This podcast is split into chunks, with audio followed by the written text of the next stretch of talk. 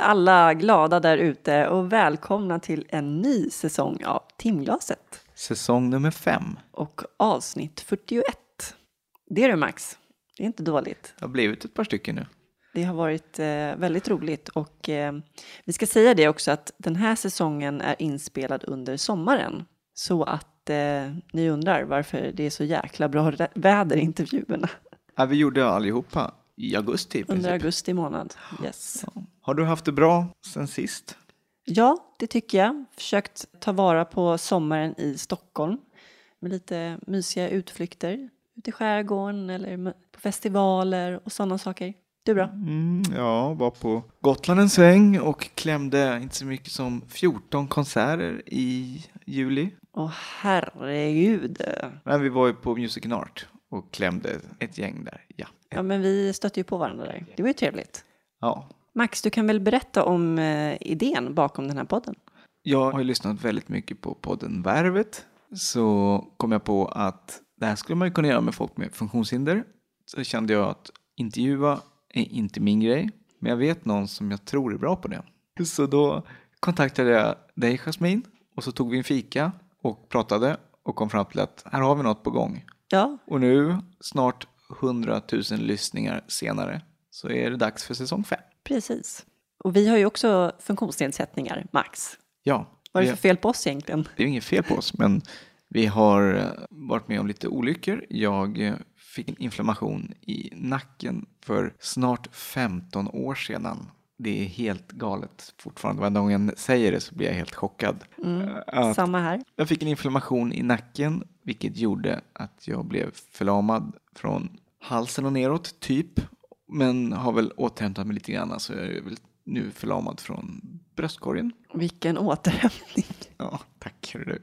Imponerande. Ja. Och eh, ja, är förlamad i armar och Lite sådär. lite, lite plockepinn sådär. Ja. Och jag eh, skadade mig i en dykolycka för 17 år sedan.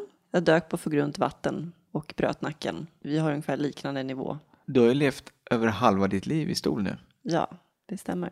Och sen har vi ju också eh, ett jättetrevligt samarbete med Invacare som vi hade förra säsongen också. Ja, de hänger på. De hjälpte oss också från start med den här podden. Men det är väl lika bra att vi ringer upp Jocke direkt. Ja, vi ringer upp Jocke och kollar vad han pysslar med på Invacare. Uh, Jocke. Tjenare Jocke. Det är Jasmin från Timglaset här. Ja, men tjenare, tjenare Jasmin. Roligt att höra från dig. Det var ett tag sedan nu, sen sist. Du kan väl berätta först vem du är och vad du gör på Invacare? Ja, jag är ju produktchef för manuella rullstolar på Invacare. Jag är ju en eh, gammal arbetsterapeut i grunden. Men eh, den senaste tiden så har det varit väldigt mycket spännande och, som, och på gång här hos oss på Invacare och mycket skall. Jag har varit i Finland och haft en liten roadtrip i de finska skogarna med Kyrkjell-rullstolar och haft föreläsningar för ett stort antal förskrivare. Trevligt land att vara i, Finland. Mycket trevligt. Badar du i bastu? Eh, nej, jag är inte bastutypen.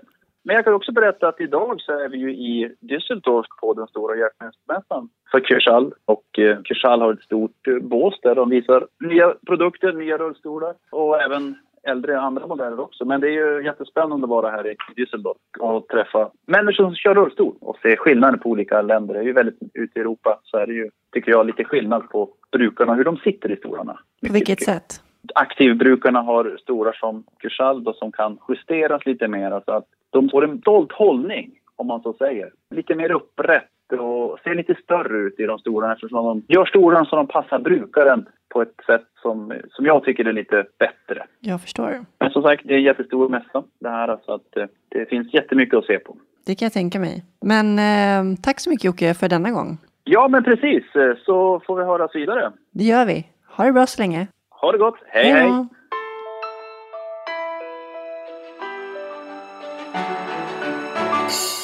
I säsongens första avsnitt här så träffar vi Andreas som bröt nacken i en mc-olycka när han var 15 år. Han driver ett assistansbolag, är gift och har en dotter. Men han lever sedan många år med nervsmärtor. När traditionella mediciner inte funkade så försökte han utforska andra möjligheter och hade läst att eh, cannabis kunde vara bra mot smärtor. Därför började han odla Men sen en dag kom polisen och knackade på dörren. Och hur det gick får vi höra nu. Här kommer Andreas.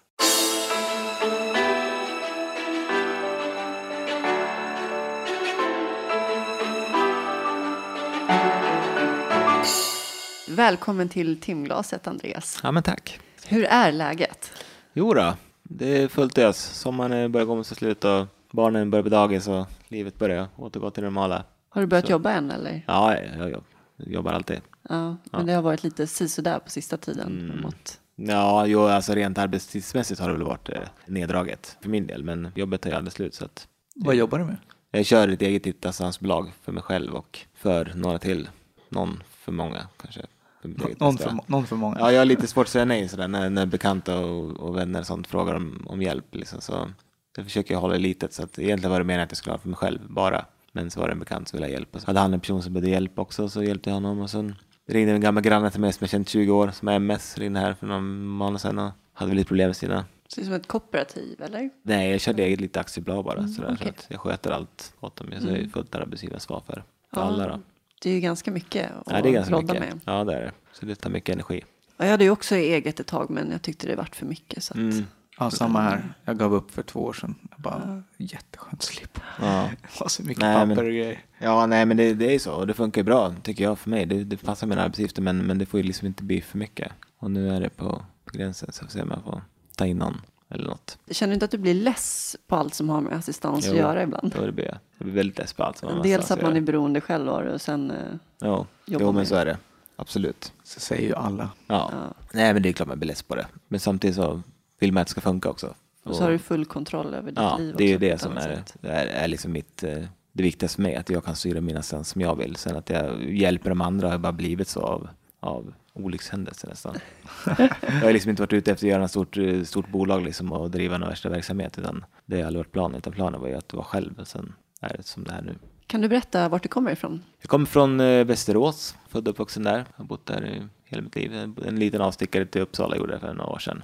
Jag och min fru flyttade dit och provade lite nytt där.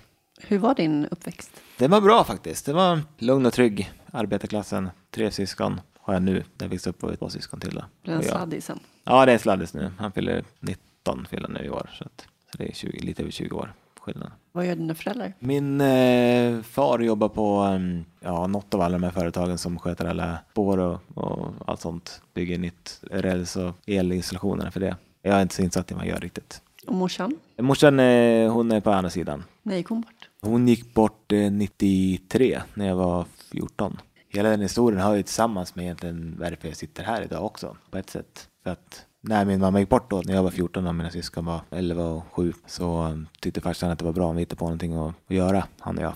Så då började vi köra enduro. Och det gick ju sådär. Berätta då vad som hände. Du var 15 år då när olyckan Ja, jag var inträffade. 14, 14 när mamma gick bort då, sen hade vi kört ett år ungefär. Vi skulle börja på andra säsongen och köra hoj, så hade vi köpt nya hojar. Alltså. Så det var första åket för säsongen vi åkte ut och ja, skulle bara köra igenom banan eh, och känna på hojarna som var nya och sådär. Sen åkte vi väl, hade vi kommit några kilometer, som i en kurva så hängde sig gasen precis i kurvan. Så att jag hann inte få stopp på hojen så att eh, den kilade fast mellan två träd. Sen flög jag över styret och landade på huvudet. Så det var en mikrovurpa liksom. De har gjort hundra gånger värre än sådär förut. Men det var ju så att jag landade på huvudet med resten av kroppen också. Så att, Var du vid medvetandet? eh, ja, jag är fullt medveten ända fram till operationen i Uppsala. Så att jag var helt, helt med. Eh, Jag var mest förbannad att de eh, skulle klippa sönder mina endurokläder. Oftast är det ju någon sån här dum grej. men- Ja, Ja. men jag låg där på britsen och var helt vansinnig kommer jag ihåg. Det spelade inte stor roll att jag inte kunde röra ben och armar och sånt. För det tänkte man att det kommer tillbaka. Men kläderna ska de ju fan inte, inte klippa sönder. Är man i den åldern så förstår man kanske inte riktigt vad, vad det nej, innebär. nej, det gjorde man inte. Man kände ju att någonting inte stämde såklart. Men jag hade aldrig hört talas om ryggmärgsskada eller något sånt där. Man visste inte knappt vad ryggmärgen var för något. Så att man hade ingen kunskap om sånt överhuvudtaget. Så att, Alltså jag var ju uppväxt med att när man bryter nacken då dör man. Ja. Det var liksom Jo, det, var det man, värsta så, man, man såg de här dra. actionfilmerna när de bröt nacken på folk och sådär liksom. Mm. Man kan ju tydligen överleva. Ja, tydligen. Jag var ju 15 när jag Mm. dök på för grundvatten. Man hade ju ingen aning om vad som hade hänt. Jag trodde min kropp hade fått någon slags chock av något slag. Eller? Ja. Ja, det Jag fattade inte att jag hade brutit någonting. nej, det var samma där. Jag hade ingen smärta heller direkt initialt. Liksom, utan det var ju mer att man bara låg där och hade imma på glasögonen och inte kunde röra sig. Liksom. Så man fattade inte situationen i sig. Och sen fick du snabbt, det kom ambulans. Och... Ja, sen vart det ambulans och grejer och ut i skogen där och, och sen vart det in till Västerås sjukhus och de, det var ju bara helikoptern direkt till Uppsala så flög dit och, och hamnade under kniven där. Så att, Och när Mm. du vaknade upp sen då, hur gick tankarna då? ja, tanken då gick väl att Alltså jag var ju bara 15, jag hade inte så mycket, jag gick ju nian men jag hade inte ens gått ut nian, utan det var ju liksom bara att, ja men först skulle man ju upp och gå liksom, som alla tror jag tänker från första början. Sen när man började fatta att det inte var så, så bra så var det väl mer att, ja men, ja jag kan i alla fall komma upp så jag kan börja stå. Alltså stå och träna i sängen och så här. Komma upp i rullstolen hela den biten och, och liksom, ja man tänkte att man skulle bara kämpa på liksom. Och sen kände jag att det var ju liksom ett val att ta. Att ge upp eller köra liksom, det fanns inget annat att välja på. Så jag körde hårt, jag åkte på alla läger och allt som gick att hitta på. Är det så? Ja, och träna och sådär och körde järnet så mycket jag bara kunde med allt. Men har en ganska hög C4, C5 skadare så att har inte så mycket att hämta ut. Vi brukar ju alltid fråga om du kan beskriva din funktionsnedsättning. Ja, jag har ju inga, kan inte röra, jag kan röra mina överarmar fullt. Eh, Axlar och överarmar. Underarmar har rotationen men ingen känsel och, och kan inte röra handlederna och fingrarna utan jag har bara rotationen som jag använder som, som häv liksom för att kunna plocka saker med, med handen och tummen och sådär. Sen är jag förlamad från, från bröstvårtorna och neråt utan känsel.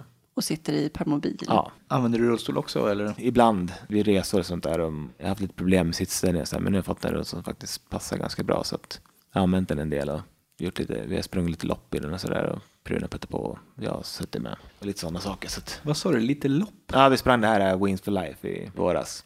Ja just det, nere på Ölandsbron där. Ja, För att precis. samla in pengar till ryggmärgsskadeforskningen. Just det, det såg jag bilder på. Ja, men det var kul, det var en häftig upplevelse. Ja, folkfest. Nej, men annars så sitter jag mest i elstol. Jag satt första tio åren i rullstol innan jag började köra bil och sånt. Så. Det måste ju ändå vara en liksom, frihetskänsla att kunna bestämma själv hur du ska jo, men det var det. Som jag, så, styra det rullstolen. som Så att så säga. dålig funktion också. Det, som det var ju inomhusrullning på planmark utan trösklar. Då kom jag liksom fram i 0,1 kilometer i timmen. Så att, Var det en självklar grej att byta stol? ja, det var det. Alltså just nu med tanke på att eh, jag ville köra bil. Tyckte jag och kunna röra på mig. Och jag hade hund och sådär också. Tyckte om att gå promenader och sånt. Så att det, var, det föll sig naturligt att göra så. Det förstår jag. Men du, eh, det låter som en riktigt tuff tid där. Jag menar, först går mamma bort och sen olyckan. Och hur tog du dig igenom det? Nej, men det var väl alltså, jag vet inte faktiskt. Det var väl farsan som var stödet. Han klarade det väl mer frågan. Men nej, det var bara, det var bara att köra på. Se framåt, försöka liksom klara skolan och komma vidare med någonting. Hur snabbt kom du tillbaka till skolan då? Jag kom två år efter. Jag valde att gå på individuella programmet ett år för att känna att jag orkade. Och sen läsa upp de sista betygen som jag missade då i nian. Så jag gick där och strosade lite grann för att känna att jag orkade vara där och så. så. Men sen körde jag fullt heltid på, på gymnasiet då. Hur var det att komma tillbaka till skolan? Det var ganska ensamt tycker jag. Men alltså, jag var två år än någon som jag gick med. Jag hade assistent. Visste inte riktigt hur jag skulle vara bland folk. Det var mest att man var själv. Nej men det var så det var. Tre år nästan känns det som. Så att man fick ju några som man fick lite bättre kontakt med. Som man satt och käkade med i matsalen och sånt där. Det var väl typ det. Var skolan anpassad? Ja, det var en ganska bra skola faktiskt. Det var ett gammal hotell och konferensbyggnad som de hade. Eh, Just den. Jag gick på medieprogrammet. Så de hade massa medierum där med datorer och sånt. Så ja, det funkar bra. Jag gick också media.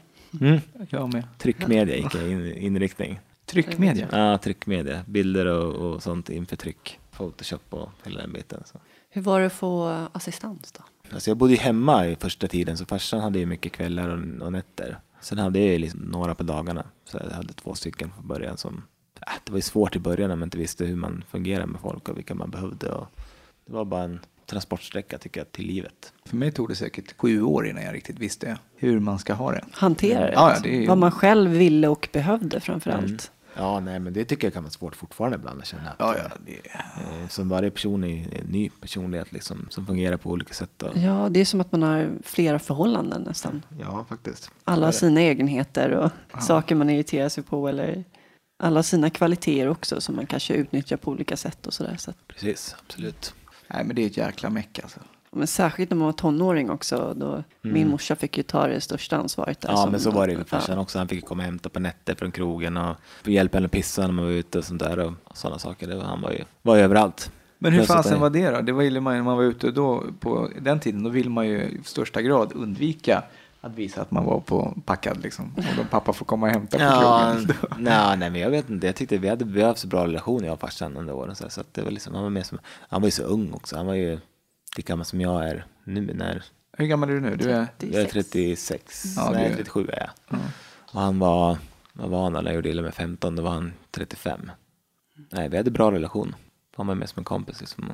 Sen kan man ju, nu i efterhand känner man ju klart att det, man kanske utnyttjade det lite, lite för mycket. Eh, sådär, så man kan ha dåligt samvete för fortfarande. Men, men han har ju en egen vilja också så att Ja, det är klart. så är det.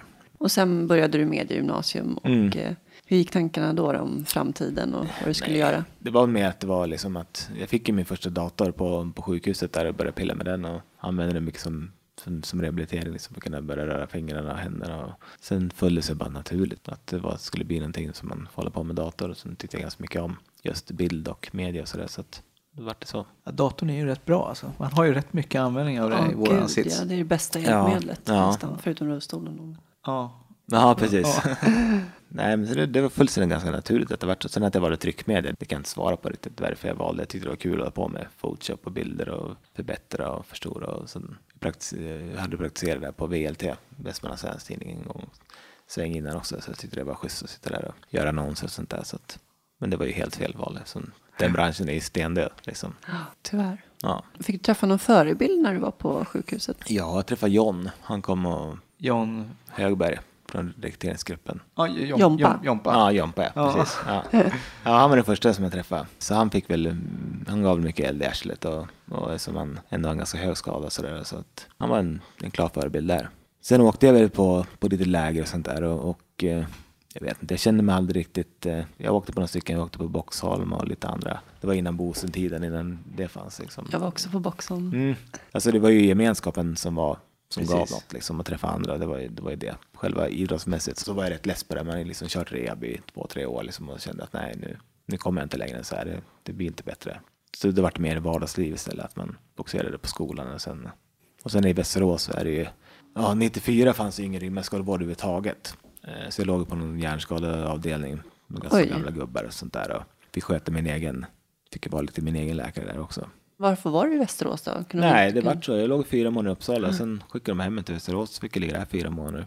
Fy fan vad vidrigt att sitta på hjärnskadeavdelningen. Ja, nej, det var inte så jättekul. Och det var så den gamla lokalen, lasarettet, alltså på gamla lasarettet, så det var som en, du vet, som man ser på ett skräckfilm, så här gammalt psykboende, som med gröna väggar. Och, nej, det var trauma. Det, Gökboet. Och du var inte Mm. på eh, Frösunda? nej, man hade inte så höga, alltså man, man skötte sig själv lite grann. Jag har gjort det hela tiden, både med vården och med, just att det fanns inga aktiviteter eller några grupper eller någonting sånt i Västerås, utan jag känner än idag ett par stycken liksom.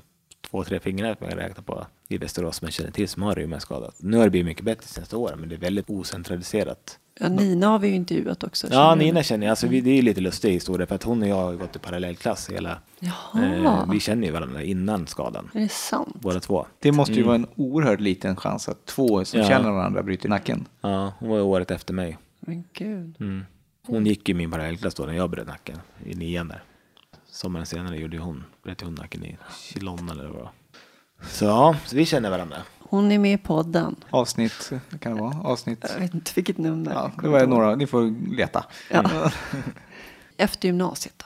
Ja, efter gymnasiet, då försökte jag väl komma in någonstans på något jobb liksom. Och Vad sökte du för jobb? försökte få praktikplatser, kommer jag ihåg. Jag var, var till VLT och där fick jag praktikplats också en halvår tror jag var där. Men det var ju så mycket, man vart ju utförsäkrad på en gång. Direkt från gymnasiet till lägsta nivån på sjukersättning liksom. Så skulle man komma in någonstans på, så när jag skulle ha praktik där på VT, då fick jag hålla på, tror på två, tre månader innan jag ens fick komma dit. Fast platsen stod liksom tom.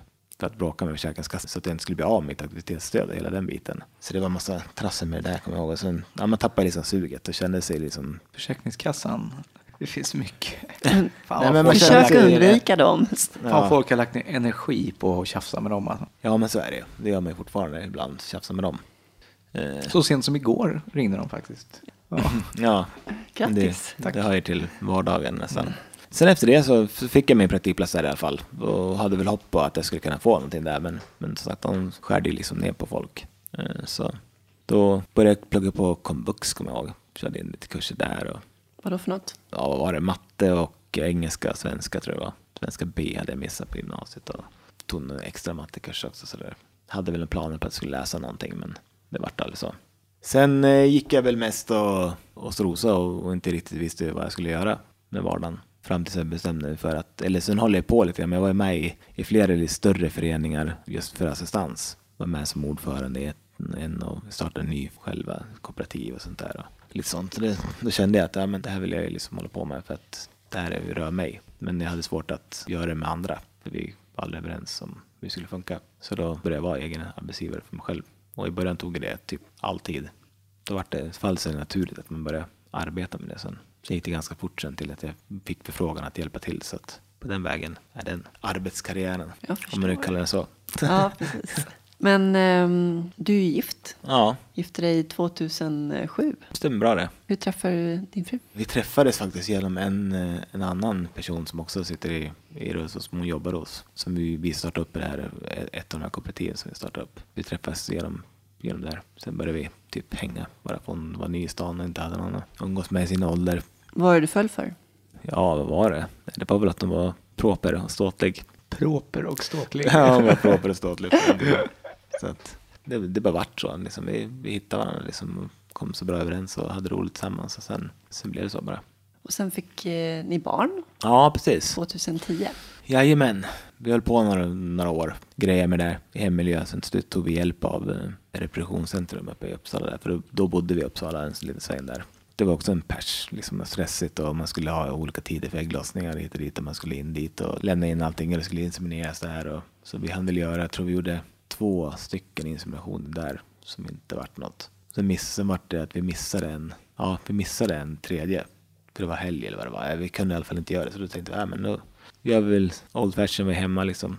Och då blev det. Är det sant? Mm. Ja, men det har man ju hört flera sådär som har prö- prövat med IVF och så har man försökt Mm. fram och tillbaka. Men sen får man för sig och nej, sen släpper man det, man orkar inte hålla på och sen plötsligt händer det. Ja men så var det. Det var väl att släppte alla, all, all press liksom. all Ja, sånt. stress. Ja. Man måste ju ta mycket på relationen också när man håller på med den här Ja men det gör processen. det. Ja det var jättejobbigt. Och mekaniskt och konstigt och Ja, inte så romantiskt kanske. nej, nej, det var det inte.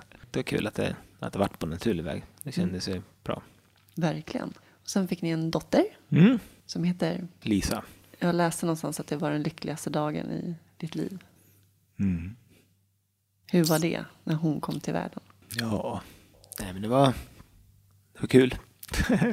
nej men det, jag vet, det, det var så mycket press över det här och allt det där. Man visste inte om man kunde få barn och, och allt sånt. Och sen vart det så, så bra så det är klart att det var, Det är stort. ja. Hur funkar det då att vara tetrafarsa? Ja, det, det funkar ganska bra. Blir man inte frustrerad över att man inte kan göra allt? Nej, vi, alltså, vi hittade ganska bra nivåer på det där, jag och min fru, hur vi skulle hjälpas åt och, och allt det där, hela den biten från första början. Så att så assistenten har varit väldigt bra och inte haft några problem med det under tiden. Så det har funkat. Det, har varit, eh, det är klart att det är frustrerande när man inte kan handgripligen göra det man behöver göra. Det är klart det är. Men så är det ju med, med allt, liksom, att man lust att ta sönder saker ibland för att man inte ens kan hälla upp en kopp kaffe. Liksom. Hon har ju lärt sig att leva med, med det liksom, och, och lyder mig än så länge. Så att, Hur gammal är hon nu? Sex. Ja, precis. Vi har en annan, annan kommunikation, hon och jag. Det är mycket verbalt, diskussioner och sånt istället. Så. Hon har inte börjat utmana dig? Ja, och lite grann. Det, Ja. det kommer utmaningar och hon är, hon är ju sexårstrotsig liksom och arg och upprörd och besviken och allt sånt hela tiden. Liksom. Så att det, det har sina turer. Hon är lik dig. Jag har sett bilder. Ja, vi är rätt lika säger de. Det är svårt att frånsäga sig henne Ja. på något sätt. Så är det. Har du tänkt skaffa fler barn? Vet inte faktiskt. Vi har väl eh, varit inne på det men, men jag vet inte. Vi får, vi får se. Vad är din bästa egenskap som pappa? Alltså jag är ganska, i vanliga fall är jag ganska tålmodig. Jag har ganska, ganska mycket att, eh, barriär innan det brister liksom. Nu senaste åren efter allt det här som har varit med medicinering och all den biten så, så har jag väl inte riktigt lika mycket tålamod längre. Men, men det skulle jag nog säga är min, min största egenskap. Att jag har tålamod. Jag tror att man har lärt sig det att efter man skadade sig. Man har liksom varit tvingad att ha mycket tålamod. Mm. Både när det gäller assistenter och... Ja, jag tror att det, det har något med det att göra faktiskt. Man blir lite avtrubbad fast samtidigt kan man använda det på ett bra sätt. Ja, det börjar redan på sjukhuset när läkaren kommer om tre timmar och man bara ska stirra i taket i Mm, tre timmar. Ja, fan, de där jävla klockorna på sjukhuset var ju vidriga att titta på. ja. Gick så långsamt. Men jag tänkte eh, att vi ska komma in på allt som har varit på sista tiden. ja precis. Du odlade en planta helt enkelt. Mm. Mariana. Ja. Hur kom du på idén? Idén är ju, det är också, det är lika lång tid, så det, det började sig nästan, alltså just det här som jag berättade om tidigare när jag hamnade i Västerås och var själv, liksom, så har jag hela tiden fått tagit hand om mig själv och jag har bestämt själv liksom. Jag brukar få ringa in till dem och du, nu är det dags för den här årliga njurkontrollen. De bara, ja ah, just det, ja, det är det. Sådär. Eh, Och den varianten har jag fått kört eh, i alla år. Och då har det blivit så av naturligt att jag liksom tagit reda på saker, lärt mig saker om medicinering och sen första fem, sex åren hade jag inte så mycket verk alls. Det var mycket strul med urinvägar och sånt där skit första åren, men, men inte så mycket andra komplikationer som just verk. Som, Alltså nervsmärta. Ja, nervsmärta, ja, precis. Sen när den började komma och började bli lite mer ohanterbar, då började man ju liksom uttömma alla varianter. Man fick ju, först fick man ju de här klassiska Zetadon och Tramadol och sånt där, vanliga opiatbaserade läkemedel. Sen vart det ju att man fick hålla på och prova alla, Gabapentin och de här antidepressiva, de gamla varianterna, jag kommer inte ihåg vad de heter. Som också ska ha någon viss effekt på nervsmärta och Lyrica har jag väl provat, jag vet inte hur många gånger jag har provat den. Jag har, gått, igen, jag har så- gått igenom alla de Ja, också. men så är det ju. Och så till slut så kände jag bara någon slags eh, ledsnad över att min vardag och mitt liv blev påverkat så mycket av att... Hopplöshet kan jag tänka mig. Att jag, ja, att jag gick runt och hade ont, liksom. Att det förstörde min vardag och mitt liv. Kan du försöka beskriva med ord din nervsmärta, vad det innebär? Nej, det kan jag inte. Alltså, det är jättesvårt. Alltså, vissa dagar är det ju bättre och vissa dagar är det outhärdligt. Liksom. Det svider och bränner och skär och gör ont. Och, Är det hela kroppen eller? Ja, det är ganska mycket hela kroppen. Från bröstvårtorna och neråt. Mest tycker jag, jag har väl mest att uppleva att det är mellangärdet. Alltså mage och, och neråt liksom. Och, och den runt rygg och bål, hela den biten. Det har jag värst. Jag vet någon gång jag skrev någon, någon artikel eller vad, då, då skrev jag att det känns som att jag blev överkörd av en pansarvagn från fötterna till bröstvårtorna. Ja. Ungefär så känns det. Och ibland mer, ibland mindre. Hur är det med din känsel förresten? Nej, jag har ingen känsla alls för under, under bröstvårtorna och neråt. Men hur som helst, när jag var någonstans där på något år innan eh, jag fick barn, eller där, då, då var det ganska, eskalerade smärtan ganska mycket jag hade mycket problem, började få massa problem med, med så här prostatabesvär och grejer, så här inflammationer och allt möjligt sånt. Och, och det gjorde att smärtan ökade ganska kraftigt under den tiden. Så fick jag väldigt mycket problem med magen också. jag också åkte in på alla möjliga så här undersökningar och sånt och så trodde väl att det var någonting. Och, ja, det var väl att jag hade förmodad IBS. Och allt det där liksom. Vad, vad är det för något? Irriterad, eh, Bowel syndrome? ja, irritated bowel syndrome eller vad det heter. Irriterad mage och tarmkanal. Eh, när de inte hittar någonting annat och man har fortfarande väldigt mycket problem med, med magen just med Den är irriterad helt enkelt. Ja. Så, ja. Hur yttrade det sig? Nej men det, bör- det, blev- alltså jag hamnade ju i en, först började jag må dåligt eh, psykiskt, sen, sen hamnade jag i, i min första riktiga depression. Jag har aldrig haft någon problem med det alls sen jag gjorde illa mig faktiskt. Så att, eller inte tidigare heller. Så att, ja, det var en tung period. Precis, nu fått ett barn också liksom. Och, och Som man vill vara glad för och så. Mm. Till slut så, det vart att jag vart medicinerad för det. Så vart så, det gick liksom inte över så jag fick äta några antidepressiva under en längre tid. Och så under, under den tiden fick jag också även reda på lite mer att det var just prostataproblemen och vi fick göra massa odlingar på det där och sånt. Och fick medicinering för det också. Fick lindring i alla fall på det. Och då kände jag att nu måste jag hitta på någonting. Och då kunde inte läkarkåren här, alltså varken Västerås eller Uppsala, för då hade jag liksom lite delad. Som jag hade tillhört Uppsala också så hade jag hjälp därifrån också samtidigt. Så. Då kunde de inte göra mer så de skickade mig till, med remiss till smärtmottagningen. Och där ringde de bara upp mig. Ja, det är doktor, vad det var för något, överläkare. Vi, vi har gått igenom din journal och det finns liksom ingenting vi kan göra för dig. Utan vill du ska du få prova metadon. Det är det vi kan göra. Metadon, det är väl någon... eh, Ja, det är ett, det är ett jättestarkt... Eh, men det är sånt som eh, heroinister får, inte? Ja, man använder det för att eh, få bort heroinister ur sitt mis- heroinmissbruk. Så det kände jag liksom inte var ett alternativ såklart. Det var illa, illa nog med att hamna i depression. Jag hade ingen lust att hamna som ett kolle mer än vad man redan är rent fysiskt. Så kan man i alla fall ha psyket klart. Så då började jag Googlade lite grann. Vi hade, vi hade ju provat under åren, hade jag ju provat cannabis i syftet att lindra smärta. Alltså fått ta på någon kompis kompis som hade rullat en färdig liksom. Jag visste inte ens vad det var för någonting. Sen rökte man där och sen blev man ju helt stenad liksom och mådde skitpiss. Så det var ju liksom inget alternativ tyckte jag då, eh, någon gång jag provade. Men sen började jag läsa en om det där med, jag hamnade av någon slump på ett forum för ryggmärgsskador i USA. Där de hade provat en, en speciell typ av cannabis som man inte blir påverkad av utan man får smärtlindring från THC men det finns ett annat ämne, CBD också, som tar ner ruseffekten. Precis, det finns ju två ämnen, THC och CBD. Ja, precis. Det är, man- de två, det är de två stora som man pratar om. Så finns det ju hundratals andra cannabinoider också i cannabis, men de är oftast väldigt små eh, mängder. Så då tänkte jag att ja, men det ska jag få ta på. Det går inte att få ta på. Det finns inte att köpa någonstans. Det går inte att gå på någon fylla marknad. Har någon CBD-rik cannabis som man inte blir hög på. Det finns ju ingen som odlar sånt för att det säljer inte. Tror de har nere på Konsum. Ja, precis. Ja, för Nej. THC det är rusningseffekten. Ja, precis. Det är den psykoaktiska effekten. Och CBD är ju liksom, den tar ju ner den psykoaktiska effekten och även är ju antiinflammatorisk och lite sådana andra egenskaper de har hittat. Så då tänkte jag, alltså jag dividerade med min fru och liksom sa det att fan, jag kan väl dra upp en planta och prova och se vad som händer. Jag tror inte att det kommer ge någonting. Jag menar den här smärtan kan man inte få bort det med tunga morfiner och sånt, så borde man inte kunna få bort det med lite cannabis som man inte blir påverkad av ens. Men så jag tänkte jag dra upp en planta i alla fall och Var fick du plantan ifrån? Alltså det var en lång process där också. Det började med att jag bestämde hem sån här CBD-olja.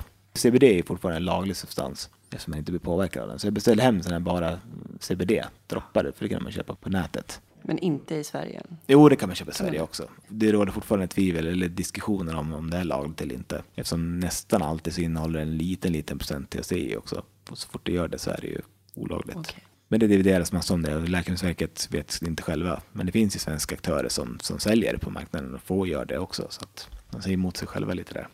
Och det gav ju såklart ingen effekt. Jag provade ganska, alltså massa olika varianter, olika styrkor och, och sånt. Och dyrt är det också. Vad kostar det? Eh, sen lite flaska med liksom medelstark CBD för det är ju mängden CBD som, som man får betala för. Men det kostar väl en par 300 och sånt där. Räcker väl en 10-15 dagar om man tar full dos. Eh, jag har tagit 10 gånger dos också, inte känt någonting så att jag provade det. Och då fick jag tag på, genom det där forumet så fick jag reda på lite mer om, om vilken typ av cannabis som de odlade. Eh, eller vilken de använde, de här amerikanska ryggmärgsskadade männen. Kanske var någon kvinna också, ingen aning. Men och då började jag googla på det och så fick jag tag på ett spanskt företag som hade börjat odla fram sån här CBD-rika varianter och hade kunnat fått dem så pass bra att, att de kunde garantera en viss CBD och THC-gräns. Jag har för mig att i Spanien är det lagligt att odla. Ja, du får lagla hemma själv för eget Mm, bruk. Och så har du de här cannabisklubbarna också som du får odla och sälja till och för. Och så, att, ja, så egentligen får vem som helst odla hur som helst egentligen. Men då var det två norska tjejer som jobbade på det där företaget, CBD Crew som de heter, som jag fick mailkontakt med. Så jag började mejla med dem och fick massa tips om hur man odlar och massa länkar och sånt och började läsa om det. Så jag beställde hem frön genom dem och sen eh, köpte jag min utrustning då, med lampor och tält och sånt där och, drog igång en, en liten planta. Och hur gick det sen då? Nej men När sen... du började eh, använda det? Nej, men sen, sen odlade jag upp den där och gjorde, jag gjorde kloner av den också. För det hade jag läst att man skulle göra om man skulle fortsätta odla. Så man håller dem i liv liksom. Så man, fast de höll sig inte liv, men det, det hör inte till historien. Men, men jag odlade upp den där plantan i alla fall och eh, provade och gjorde lite, lite olja av den. Med, med, eh, då använde jag olivolja.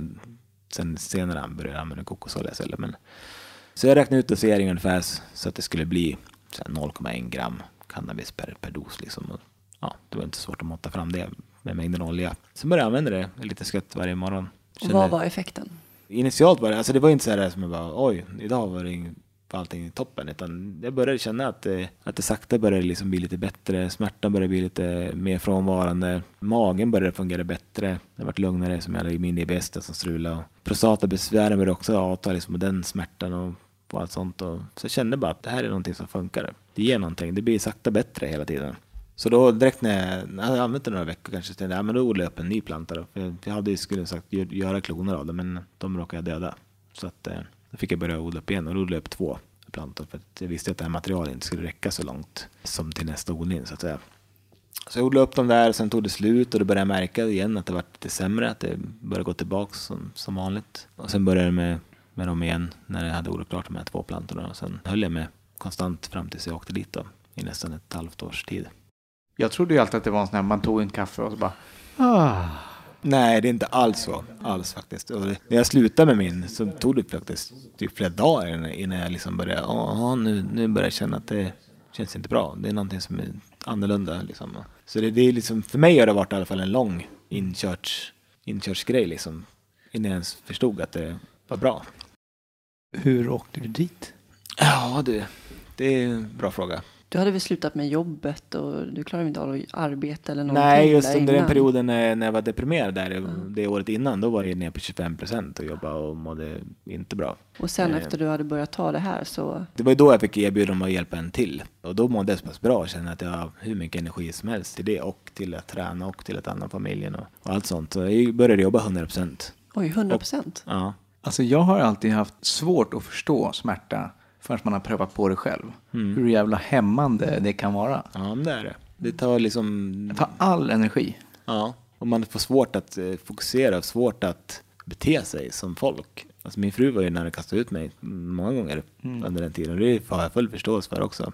För man är inte rolig att leva med. Ja, men hur gick det då? Du, jag menar med tanke på då att du har personlig assistans och hela den biten. Hur, Ja, hur nej, men det var de- lite, nej men alltså jag har ju, de, de jag har haft som jag hade under den perioden, de har jobbat jätte, jättemånga år. Alltså åtta, tio år allihopa nästan som jag hade. Så att, För de måste ju också förhålla sig till det här på något ja, sätt. Då. och alla, alla liksom, i början var väl folk lite tveksamma, lite så här att, men det är väl klart, men vi ska göra det, men, men jag vet inte om jag tycker det är så jättebra. Lite mer sån inställning. Sen när de såg hur eh, stor effekt, de ser ju nästan bäst, eh, de och min fru liksom, så var det liksom inget, så var det så självklart så att Sen vart det liksom, ja man gick in och vattnade där, man putsade lite och sånt där och det var ju liksom inte ens en big deal utan den bara var där, eller de bara var där och växte liksom och jag drack mitt morgonkaffe och mitt kvällskaffe med, med lite kokosolja i. Det var vardag, det var inte ens någon reflektion över det. Men sen eh, var det någon som tjallade. Ja, eller någonting. Vi vet ju inte riktigt hur det har uppdagats så jag orkar faktiskt inte lägga någon energi på det längre heller. Utan det kan ha kommit från några olika håll och det kan ha kommit eh, på teknisk väg också. Om- Även om den chansen är liten så går det faktiskt att spåra frön och alla möjliga sådana saker. Men ja, jag vet faktiskt inte. Det är skitsamma för att det är ju som det är i alla fall. Så att det var bara att gå vidare från det också. Men du måste ha funderat mycket på det. Ja, i början var det det enda man funderade på. Sen var funderingen mer att hur ska jag nu? Liksom, hur Ja. ska jag gå vidare? För att jag tänker inte gå tillbaks till det livet som jag hade innan. Vilket jag har gjort nu i alla fall. Men nu har jag i alla fall vetskapen om att det finns någonting som, som hjälper mig. Även om jag inte får använda det. Så nu gör ju vi allt för att det ska bli så. Men vad säger alla eh, förståsigpåare där ute liksom att du får inte hålla på med det här för att... Ja, till att börja med för att det är olagligt. Ja, Ja, det är ju narkotikaklassat helt ja, enkelt. precis. Just genom läkarvården så finns det ju bara två alternativ. Alltså där det finns cannabis i Sverige som är godkänt för att kunna ge ut det. Eller skriva på recept eller söka på licens som, som har blivit godkänt. Det är ju inte något av dem som fungerar som det jag odlade. Sativex och Marinol. Ja, precis. Och Sativex får ju vem som helst skriva ut till vem som helst egentligen också. Även om de är väldigt restriktiva på att göra det. Men det var ju liksom ändå förhoppningen. Alltså mer, eh, under tiden innan jag åkte dit så började jag, alltså jag har ju varit uppe med det här med min läkare hela tiden. Vi började ju undersöka den här möjligheten med att prova Cityvex just eftersom den har både THC och CBD. Vilket skulle då efterlikna den som jag odlade tänkte vi. Problemet är att Sativex är ju framställt. Då har du odlat en planta med CBD-rik cannabis och en planta med THC-rik cannabis. Och sen i labb plockar de ut THC och CBD och slänger ihop det i en, i en liten mix med alkohol. Och det ger inte samma effekt. Jag har provat det tre eller fyra omgångar nu. Liksom. Det får bara massa negativa effekter av det. Minskad spasticitet, det är väl det jag märker. hjälper den varianten du hade också mot spasticiteten? Ja, den är också väldigt, alltså det var väldigt lindrat. Nu har jag inte haft så mycket problem med spasticitet, men det är lindrade väldigt mycket. Om till exempel en person som jag då som måste binda fast benen. Ja, du skulle nog ha väldigt stor nytta av det. Det är helt övertygad om. Är ni fler som odlar för smärta? Jag vet en del som har hört av det. Är så, folk är så rädda. De vågar ju knappt... eh, De jag pratat med, de ska ju liksom höra av sig på sådana här hemliga appar och sånt som man inte kan, som ska vara krypterat sånt där och, och liksom, de vill inte berätta vad de heter och men att de har provat och att du vet, folk är livrädda. Det var jag med förut, jag var också livrädd. Nu är jag inte livrädd längre, men det, jag har ju liksom, jag har ju kastat in allt jag äger och har. Hela mitt liv har jag ju kastat in i det här liksom, att jag får ju ta den smällen som, som det blir. Det kan ju bli så att jag blir av min assistans också. Det kan ju bli att jag inte får ha mitt tillstånd längre, att jag inte får hålla på med det här. Och då på grund av det här cannabis? Ja, nu om, om Högsta domstolen fäller mig, då, då blir jag straffad. Och jag står ju som ensam ägare och verksamhetsansvarig i mitt assistansbolag. Och då kommer ju de, jaha, här har vi en verksamhetsansvarig som, som är dömd för narkotikabrott. Då kommer ju tillståndet ryka direkt förmodligen. Det påverkar ju allt. Ja, Alltså medias makt är ju rätt bra. ja för det är därför jag använder det här liksom och kände att skulle det bli så så kommer det också uppmärksammas såklart. Det är ju bara att använda alla jävla kontakter man kan och Ja. bara ut med det. Och det har ju varit ganska mycket. Jag har varit med i alla möjliga, och jag får ju förfrågningar också, men jag har liksom inte, jag har inte orkat. Det har varit för mycket med, med mitt jobb och min familj och andra saker också. Så att det är liksom, Mm, jag förstår det. och nu när man liksom har gått omedicinerad så länge så, ja. Men eh, berätta hela förfarandet, hur det gick till. Då kom det en polisrazzia då. Ja, det kom två civilklädda polismän, knacka på, på en vanlig tisdagmorgon eller vad det nu var. Och bara visa upp sina brickor och så, ja, vi skulle vilja komma in och prata lite. Och sen sa de att ja, vi har, eller vi har fått indikationer på att du har handlat med cannabisrelaterad utrustning på internet och vi skulle vilja ta oss en titt. Har du någonting hemma som du vill visa oss? Och då kände jag så här, ja, alltså, de kommer ju gå in i alla fall vare sig jag vill eller inte. Det är ingen mening att börja ljuga. Så att jag sa bara som det var och sen visade de plantorna. Och, Hur gick tankarna nu? Liksom? Nej, men det var ju lite kaos. Det var ju lite jobbigt. Det var mer en överlevnadsinstinkten som hoppade in, liksom, att man försökte försvara sig till det bästa man kunde liksom, och tala om varför man hade gjort som man hade gjort. Och, och de var ganska förstående också. Det var ju inte deras bästa dag på arbetet, det märkte man ju. De hade nog inte räknat med att det ska sitta någon i rullstol bakom den när de, när de knackar på. Det tror jag inte. Nej, så tog de kunde bara in och fick lämna rapporter och de skar ner plantorna. De skulle ta med sig alltihopa, tält och kloner och alltihopa, men de sa att jag fick göra mig själv istället. För de fick inte ta på sin buss eller vad det var för något. Det var Okej. lite konstig stämning, konstig, allting var konstigt. Så Konstiga rutiner? Eller Ja, liksom, fanns all- inga rutiner? Nej, de fick inte ta på dem på telefon eller dålig mottagning och allt vad det var. Sen, nej, det får jag göra med det själv. Så var det inget mer med det. Så jag hade kunnat ställa in dem direkt i tältet och börja odla igen. Och sen blev du åtalad av Västmanlands tingsrätt. Ja, precis. Jag åtalar för, för innehav och för framställande och för ringa narkotikabrott att man har använt cannabis. Men du friades. Ja, Och när var det här? Det var i somras? det var augusti förra året. Förra året? Okej. Så det var ett år sedan. Ganska precis nu. Om det var igår eller idag eller... Nej, jag kommer inte ihåg exakt hur det var. Men någon, någon gång i början på augusti förra året. Så ja, det var, det var oväntat. Men, men bra. Ja, det måste ju verkligen ha varit en lättnad. Ja, det var det verkligen. Eh, vi visste att de skulle överklaga. Vi visste ju såklart att jag skulle... Ja, de har överklagat. Ja, jag, det har ju redan varit också. Alltså jag blev ju fälld i hovrätten sen. Det hade vi liksom nästan förväntat oss. Eller det har vi förväntat men vi hade förväntat oss i och för sig att vi skulle åka dit i, i tingsrätten också som har begått narkotikabrott och erkänt det och blivit ertappad på bar gärning. Så det finns ju liksom inget brott att in, alltså Nej. brottet har ju begåtts och jag har erkänt det. Så, att, så jag är, nog, den för- Så eller du- jag är den första som blivit friad för, för det. Är det så? Ja. Och det är för att... Det var för att nämndemännen inte var överens. För en tyckte att jag hade liksom handlat i nöd. Och det är det det handlar om. Allt vi slåss för, allt vi håller på med är- ju frågan om har jag handlat i nöd? Eller har jag gjort det här med uppsåt liksom att sälja eller att använda eller berusa mig eller på något annat sätt använda narkotikan än att lindra min vardag. Och du dömdes till eh, 90 dagars... Ja, jag dömde till Samhällstjänst. Nej, men det var, Assistenten får ut och kratta. Nej, men det var ju prat om det där hur de skulle göra, men de inte kan utdöma um, någon samhällstjänst så vart det villkorligt med böter. Mm. kommer inte ihåg exakt hur mycket det var, 12-13 tusen. sånt där, Men vi valde att överklaga det direkt, så att det gick ju direkt till Högsta domstol. De ansåg att din situation inte var tillräckligt akut. De kunde inte eh, se att det, det skulle ha föregåtts nöd. Ja, de tyckte inte att, att nöden hade trätt i kraft, att man, inte, att man inte ska använda nöden på det sättet. Blir du inte jävligt trött på allt det här? Jo, jag är jävligt trött på det. Jag känner det när jag pratar om det nu också, att jag kräks lite på det faktiskt. Ja. Det är så. Eh. Men det är, samtidigt är det viktigt och, och liksom man måste få ut det också. Så att folk förstår. Och, det var ju hela min poäng med att jag kom ut. Men jag hade bara kunnat sitta och hålla käften och tagit min straff och eh, kanske börja odla igen liksom och hållit det för mig själv. Men när jag skrev min berättelse var det ju för att jag ville ju inte att det skulle bli massa snack i, i Byn där jag bor liksom och på barnens dagis och hela den biten att det liksom Du tog fighten helt Ja, enkelt. så kände jag att det är bättre att alla får det veta vad måste som ju, har hänt alltså, på riktigt måste ju ske en förändring. Kom igen, hur svårt Ja. ska det vara?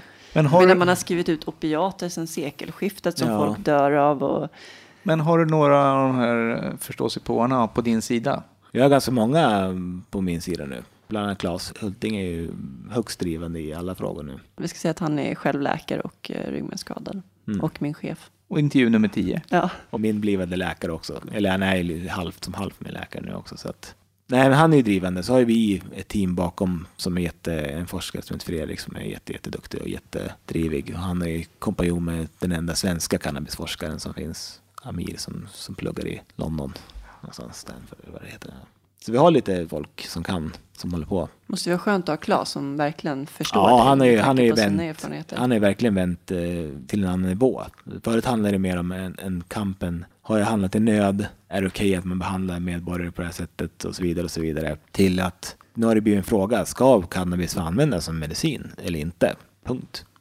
Ja, Det skulle ju vara väldigt intressant att pröva och se hur det skulle förändra mitt spasticitet till exempel. Ja, det tror jag även bara Sativex skulle kunna hjälpa till med. Även om den inte, enligt mig, inte är en särskilt bra medicin och jävligt dyr medicin. Den kostar ungefär 5 000 att använda varje månad. I Danmark ska det bli lagligt att eh, skriva ut Ja, cannabisbaserade de håller på och pratar om det där. Om Eh, konventionella mediciner inte funkar. Ja, så är det spännande. Ja, det känns ju ändå lite hoppfullt ändå. Ja, det gör det absolut. Men nu, har du, nu lider du av smärtan. Ja, nu är jag rätt eh, sliten faktiskt. både fysiskt och psykiskt, av allt. Jag har ju provat lite olika varianter där jag själv har kokat ihop, just använt sån här CBD-olja och sen försökt få tag på THC-cannabis liksom och gjort egna mixer och sådär men nej, jag får aldrig till det, det blir aldrig bra. Antingen blir jag påverkad av det eller så, så ger det liksom ingen effekt. Jag tror att det måste vara liksom att det kommer från samma planta så att säga, att de har växt ihop. Men vi har några bollar i luften så att säga. Problemet är ju att det sker alldeles för lite forskning kring Ja, det. det är det. Man får Alldeles liksom för inga forskningsanslag för Nej. att det är narkotikaklassat och Nej. olagligt. Det är det som är problemet, bland annat. Och sen just stigmat som är i, bland både läkare och, och, liksom Sverige i allmänhet, att, att cannabis är någon slags pundadrå liksom. För det är det de flesta tror och tycker. Och det måste också ändras. Jag förstår inte varför, ja, men det är bara att jämföra med alkohol. Ja, Hur farligt är inte det? Hur många Ja. har inte dött av alkohol? Liksom? ja, väldigt många. Särskilt i Sverige. Det finns Ja, ju men hur det mycket... handlar ju mycket om traditioner också, hit och dit. Jo, så är det ju. Tradition och kultur och allt sånt. Men det, det hindrar ju inte från att se från fakta liksom. Faktan säger ju nu från hela världen att cannabis inte är så, så farlig. Toxiciteten med cannabis är ju obefintlig. Du kan ju inte, dö, du kan inte överdosera dig till döds med cannabis. Det är, det är fysiskt omöjligt. Du kan somna liksom och, och bli trött liksom. Det är liksom. Och få lite andra biverkningar kan du få såklart som att du blir påverkad och får hallucinationer och allt vad det nu kan vara för något om du tar för mycket. Men, men jag menar, rent eh, toxiskt så är det inte farligt på det sättet som, jag menar får du metadon, får du en droppe metadon, då är det ju liksom blåljus in och sen är det bara hoppas på det bästa. Du överlever liksom. Så det går inte riktigt ens att jämföra dem. Du kan ju dö på alkohol, det finns ju många människor som har gjort det. Ja, men exakt. Ja. Supit ihjäl sig. Det, det råder ju en väldigt dubbelmoral i samhället kring, kring det, så är det ju. Och det är väldigt lätt att sitta och prata om det när man själv har använt det länge och liksom inte funkar, men, men det är så det ser ut. Min pappa, han eh, missbrukade ju både alkohol och eh, hasch. Och jag kan säga att jag tyckte bättre om när han hade tagit hasch än alkohol. Så här efterhand så vet jag att han tog det av smärta, eller jag har funderat mer på det. För han eh, ramlade från en balkong i Spanien. Och eh, ja, han blev puckelryggig efter det. Och hade enorma smärtor. Och nu sen när jag funderat mer på det, så nu kan jag liksom på något sätt förstå. Men ja, han blev nog behjälpt av det där. Alltså. Mm. Sen att han missbrukar alkohol det var väl också en del av det hela. Men Nej, man ska inte missbruka någonting såklart. Nej, precis. Och det är klart det finns människor som missbrukar cannabis, precis som det finns människor som missbrukar det hur, Alvedon eller Citadon Ja. eller Lyric eller vad det nu kan vara för någonting. finns ju hur mycket läkemedel som helst som man ja, kan... det är eh, inte bara det. Du kan ju missbruka mat och sex och spel och Ja, vad du exakt. än vill. Och det har ju inte med drogen i sig eller, eller liksom det att göra, utan det har ju med hur den personligheten eller den personen är. Vi har en missbruk i min familj också och det var också jättejobbigt att komma ut med det här. När jag har en lillebror som liksom har ja, hållit på i 15 år med tungt missbruk liksom. Det var ingen självklar grej liksom att ja, men jag ska börja odla cannabis. Det tycker jag är en jättebra idé. Han är ren nu och har hittat tillbaka i livet och sådär så att det det är liksom, jag är bara stolt över honom, men, men däremot så, så har det påverkat mitt, min, min syn på narkotika överhuvudtaget. Och försvårar ju mitt beslut när jag tog det. Det var också med i, liksom i jag menar, vi, jag, jag och min farsa, det är vi som har kämpat med honom liksom, och, och, hjälpt honom och hållit på under alla år. Liksom, så att, Du har ju verkligen sett då baksidan av... oh ja, och alla återfall och sånt där skit som, som har varit hela tiden. Så att, Du vet vad du pratar om. Ja, det skulle jag vilja säga. De motståndare som är, som har varit, som har hört av sig och som visar motstånd, alltså mer hatiskt motstånd, de är ju mer att jag gör det här för att jag vill punda. Och allt annat jag säger är lugn. Ja, men då har man ju inte riktigt... Nej, men det finns, det är flera stycken som, alltså nu har jag en 99% är ju positivt. Alltså det är ju jätte, jätte, mycket, mycket större stöd än jag någonsin kunde tro, men det finns ju fortfarande de som, som är fast i det här, liksom att cannabis använder man för att punda, ingenting annat. Och det är det enda jag vill. Och nu då, vad är nästa steg? Nej, alltså steget är att vi har ju överklagat eh, hovrättsdomen, då, den fällande hovrättsdomen har vi överklagat till Högsta domstol. Och nu ska ju de ta ett beslut om de ska pröva det eller inte och ta upp det där. Samtidigt så håller vi på med samma dom ska överklagas till EU-domstol också. Och det kan ju dröja ja, fyra, fem år innan det blir något sånt. Så att, ja, och Högsta domstolen kan ju dröja ett, två år det också bara nu. Så att, Du måste flytta helt enkelt. Ja, ja så är det. Men det som är det intressanta som, som kommer bli nu, det var ju det att i augusti, nej, i juni förra året så ansökte jag om licens på ett cannabis, ett, ett rent eh, na- naturligt cannabispreparat som är ganska identiskt med det jag odlade, som ett holländskt eh, företag tillhandahåller. Vad betyder ansöka om licens? Du och din läkare skickar in licens till apoteket och apoteket ansöker om att få ta hem den produkten till ditt apotek så att du kan få använda den. Det blev såklart ett nej eftersom det är ren cannabis och, och Läkemedelsverket har som policy att inte godkänna förfrågningar, licensansökningar på ren cannabis. Så där började den kampen att vi fick hålla på att motbevisa deras eh, argument. Så vi har väl haft en fyra, fem yttranden fram och tillbaka som har mejlats till, för det ligger hos förvaltningsrätten då. Och där ska det nu bli en muntlig förhandling i september, slutet på september. Så då ska vi dit, jag och Claes och Fredrik och forskarna och allihopa och möta Läkemedelsverket i, i rätten liksom.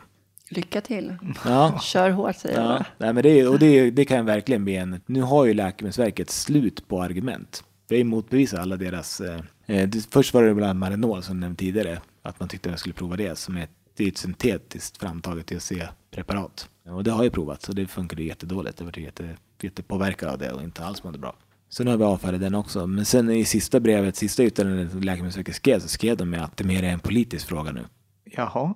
Ja, precis. Det var liksom deras respons att eh, Läkemedelsverket står kvar med sin ståndpunkt men, det, men nu är det en politisk fråga. Typ så löd deras sista yttrande. Det Väldigt luddigt svar. Ja, och så betyder det väl att de vill inte ta beslutet helt enkelt. De vill överlämna beslutet åt rätten istället. Och förvaltningsrätten är ju ingen, det är en mindre instans. Tingsrätten är ju mer avancerad och, och har duktigare folk än vad förvaltningsrätten har. Så att vi är hoppfulla. Och skulle licensen gå igenom nu, då blir jag den första i Sverige som får ren cannabis på recept och kan hämta ut det på mitt apotek nere på stan. Det finns ju många andra med ryggmärgsskador som verkligen lider av nervsmärtor Ja. som säkert skulle bli behjälpta av det. Jo, absolut. Och som du sa Max, spasticitet låter ju och- väldigt intressant. Ja. ja, men just det att man kan använda ganska höga doser utan att bli påverkad. Det är ju det som är, är det braiga. Eh, Nu har inte jag så extrem neuropatsmärta, men jag har ju ändå ganska kraftig. Att det det finns- Tillräckligt för att det ska påverka ditt liv. Ja, men så är det ju. Jag har ju dragit på mig ordentliga doser upp mot ett gram av den typen jag odlade. Och det är ganska mycket. Skulle jag dra i mig ett gram med bara THC, då skulle jag inte komma upp i sängen på hela dagen alls. Precis. Och jag kände ingenting, alltså påverkan psykoaktivt, alltså, utan bara, ja, bara lindring i, i verken liksom. Ja, så det är spännande. faktiskt. Klas drog ju till Amsterdam. Ja, Han precis. ringde en kollega där nere. Mm. eh, För han ville testa hur liksom, förfarandet skulle gå till om han tog med sig cannabis in till Sverige. Eller hur? Ja, det stämmer bra. Det var också en, en del i våran taktik med att uttömma alla möjligheter. Då blir det ju så att nu måste ju, först ville de ju bara släppa igenom han. För att han hade ju på recept och han var läkare. Så de sa det är bara att gå igenom. Men då fick vi liksom de motbevisa dem att nej, ni måste ta hand om det här för det här är inte lagligt. Vi får inte ta in det här. De bara jo, det får ni. De bara, men ni får ringa er chef liksom. Så då fick de komma ner. Då tog de emot det ett slut ju, med lite om och men. Och då blir det ju så här att nu måste ju en tullåklagare ta ett beslut i ärendet. Ska cannabisen lämnas tillbaka eller ska den förverkas? Blir beslutet att den ska lämnas tillbaka, då betyder det att de godkänner att man tar in det på recept helt enkelt. För då, då kommer det komma liksom ett, ett målsnummer på det. Och det är det som är tanken med det här. Det är en lite omständig och dryg väg att behöva åka till Amsterdam för att köpa några dagars förbrukning och ta sig hem igen. Men det är ändå en, ett statement att visa att det är något som är väldigt fel. Men är det så, om du får den medicinen, då öppnar det ju också upp för att massa andra människor kan... Absolut, då blir det ju en dom över det. Då blir det liksom att alla som, som söker på samma kriterier som jag, alltså alla söker licensen på samma kriterier, kommer de inte kunna, god, alltså inte kunna godkänna. De kan inte godkänna för en och sen inte för andra i samma situation. Så det kommer bli en stor grej det här om det går igenom. Det är ju många cancerpatienter som har varit behjälpta av det också. Mm, absolut, så är det ju.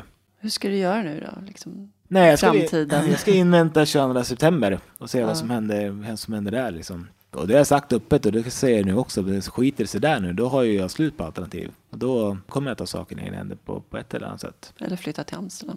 Ja, fast det är inte så lätt att flytta när man har assistans det- heller. Det är det som är problemet. Jag får inte ta med mig assistans någonstans. Nej. Liksom. Och, och, Får man inte det? nej, du får bo... Inte mer än sex månader. Nej, sex månader stöten för att bo utomlands. Ja, jag tycker jag har hört talas om folk som, ja men precis, åker hem var sjätte månad och... Ja, så måste det vara i. Sverige sex månader helst. Så att, eh, Ja, Nu är det bara att hålla tummarna då till den så 22 att- september. Precis, det, det, det är där liksom det hänger på. Sen har ju Spinalis ett projekt de håller på också med att de ska försöka få till ett, eh, ett projekt därigenom. Men det är också så här tonvis med pappersarbete för att liksom, det ska godkännas. Och det kommer bli en handfull, tio kanske, som vara med i det här testet liksom, eller, eller något. Och det kommer ju bli någon som har verkligen problem, om det nu blir av ens. Men eh, ja, vi får se. När fick du beröm senast? Ja, jag vet inte om jag fick beröm, men det var någon häromdagen sa att jag var klipsk. Så det tar jag väl som ett eh, positivt. Ja, det låter det måste positivt. man väl säga är ett beröm. Ja, det är väl beröm. Ja. Vad gör dig arg? Vad gör mig arg? Lögner och... Ja, lögner gör mig arg. Vad gör dig lycklig? Familjen. Vad betyder frihet för dig? Frihet betyder att jag... Alltså rätten att bestämma över sig själv och sin kropp. och, och sitt liv. Om du fick leva om ditt liv, skulle du göra någonting annorlunda då? Nej, jag tror inte det. Det låter självsäkert. Nej, men det vet, nej. Nej, rent generellt så skulle jag inte göra det. Vad skulle du vilja säga till någon som inte har någon erfarenhet av personer som lever med funktionsnedsättningar? Att man ska se längre än skalet. Och det gäller väl egentligen kanske inte bara funktionshindrade människor utan men just, just där är det väldigt lätt att, att folk stannar vid ett handikapp. Liksom. Och vi som är handikappade vet ju att det är, man är ändå sin egen person. Så man glömmer nästan bort själv att man är handikappad. Du har inga problem att använda ordet handikappad? jag. Nej, jag tycker inte det. För mig är det ett, inte ett negativt ord. Man konstaterar ju mest bara att så Ja. är läget. Liksom. Ja. Sen kan man väl sätta varianter på det. Rörelsehindrad eller vad man nu, rullstolsburen eller rullstolsbunden. Det finns ju alla varianter. Och vissa är ju jätte negativt laddade och vissa är positivt laddade. Jag har inget. Jag ser mig, jag ser mig själv som, som mig själv, ing, ingenting annat. Tack så mycket Andreas för att du kom och delade med dig av din livshistoria. Tack för att jag fick komma.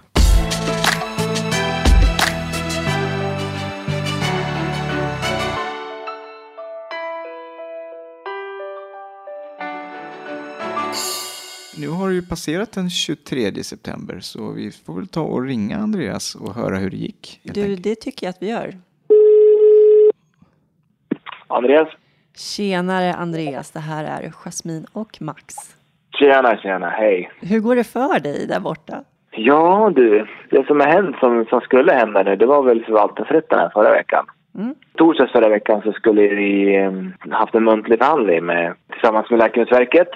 Fyra dagar innan måndagen där kanske innan. Så skickade de ett, eh, ett yttrande att de gärna skulle vilja flytta på förhandlingen eller ställa in den helt och hållet.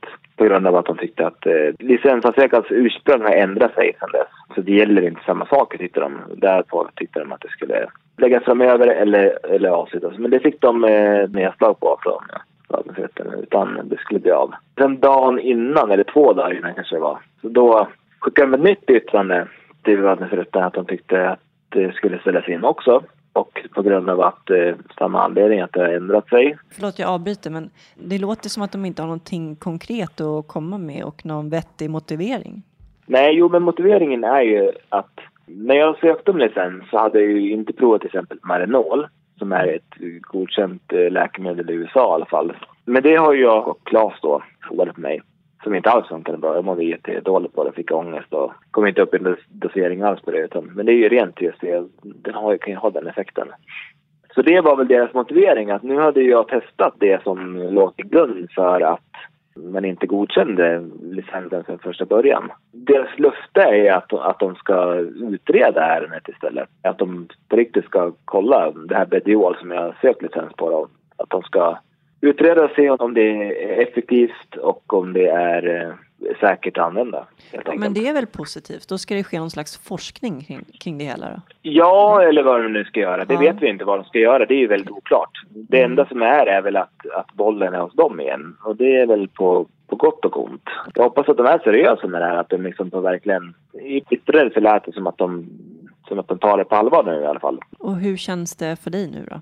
Först var det väl eh, positivt. Sen när jag funderar på det så nu vet jag inte. Jag har gått och väntat på den här muntliga förhandlingen sedan i var det maj eller var det? Jag fick, april eller maj fick jag reda på att den skulle bli av. Och på något sätt var ju det liksom ett, ett steg i att nu ska jag äntligen få, få nå- något slags besked eller någonting att, att luta mig mot. Att ett nej eller ett ja eller ett, ett förvaltningsrätten tvingar Läkemedelsverket, eller inte vet jag, vad som helst. Att det blir någon typ av framåt eller ett avslut. Mm. Men nu är det ju tvärtom istället. Nu är det ju väldigt ovisst istället. Och det känns ju inte sådär jättebra, skulle jag vilja påstå. Jag förstår.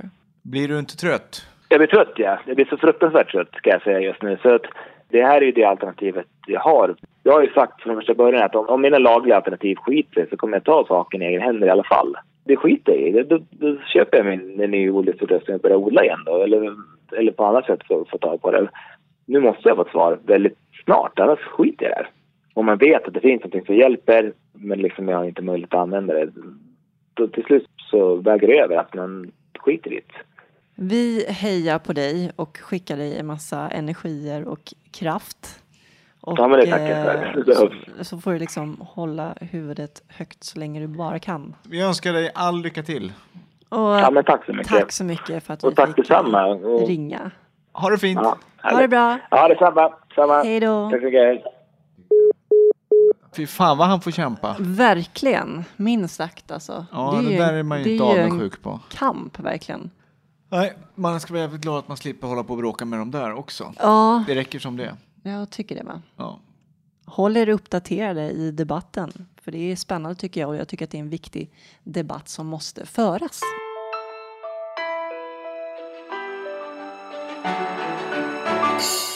Vi har en hemsida, www.timglasetpodd.se och vi finns på sociala medier och vi blir jätteglada om ni följer oss där på Facebook, Twitter och Instagram. Hashtag timglasetpodd. Och ni kan kontakta oss på kontakt timglasetpodd.se om ni vill dela med er av era tankar och funderingar och har tips eller något annat. Vem kommer i nästa avsnitt?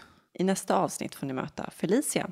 Felicia skadades svårt i en mopedolycka för fem år sedan. Då var hon bara 17 år. Båda benen amputerades ovanför knäna. Hon har alltid varit en hästtjej och eh, kort efter olyckan så kom hon upp på hästen igen och nu tävlar hon i dressyr som pararyttare. Mer om henne nästa gång. Ha det så bra alla där ute och eh, lyssna igen om två veckor. Hej då!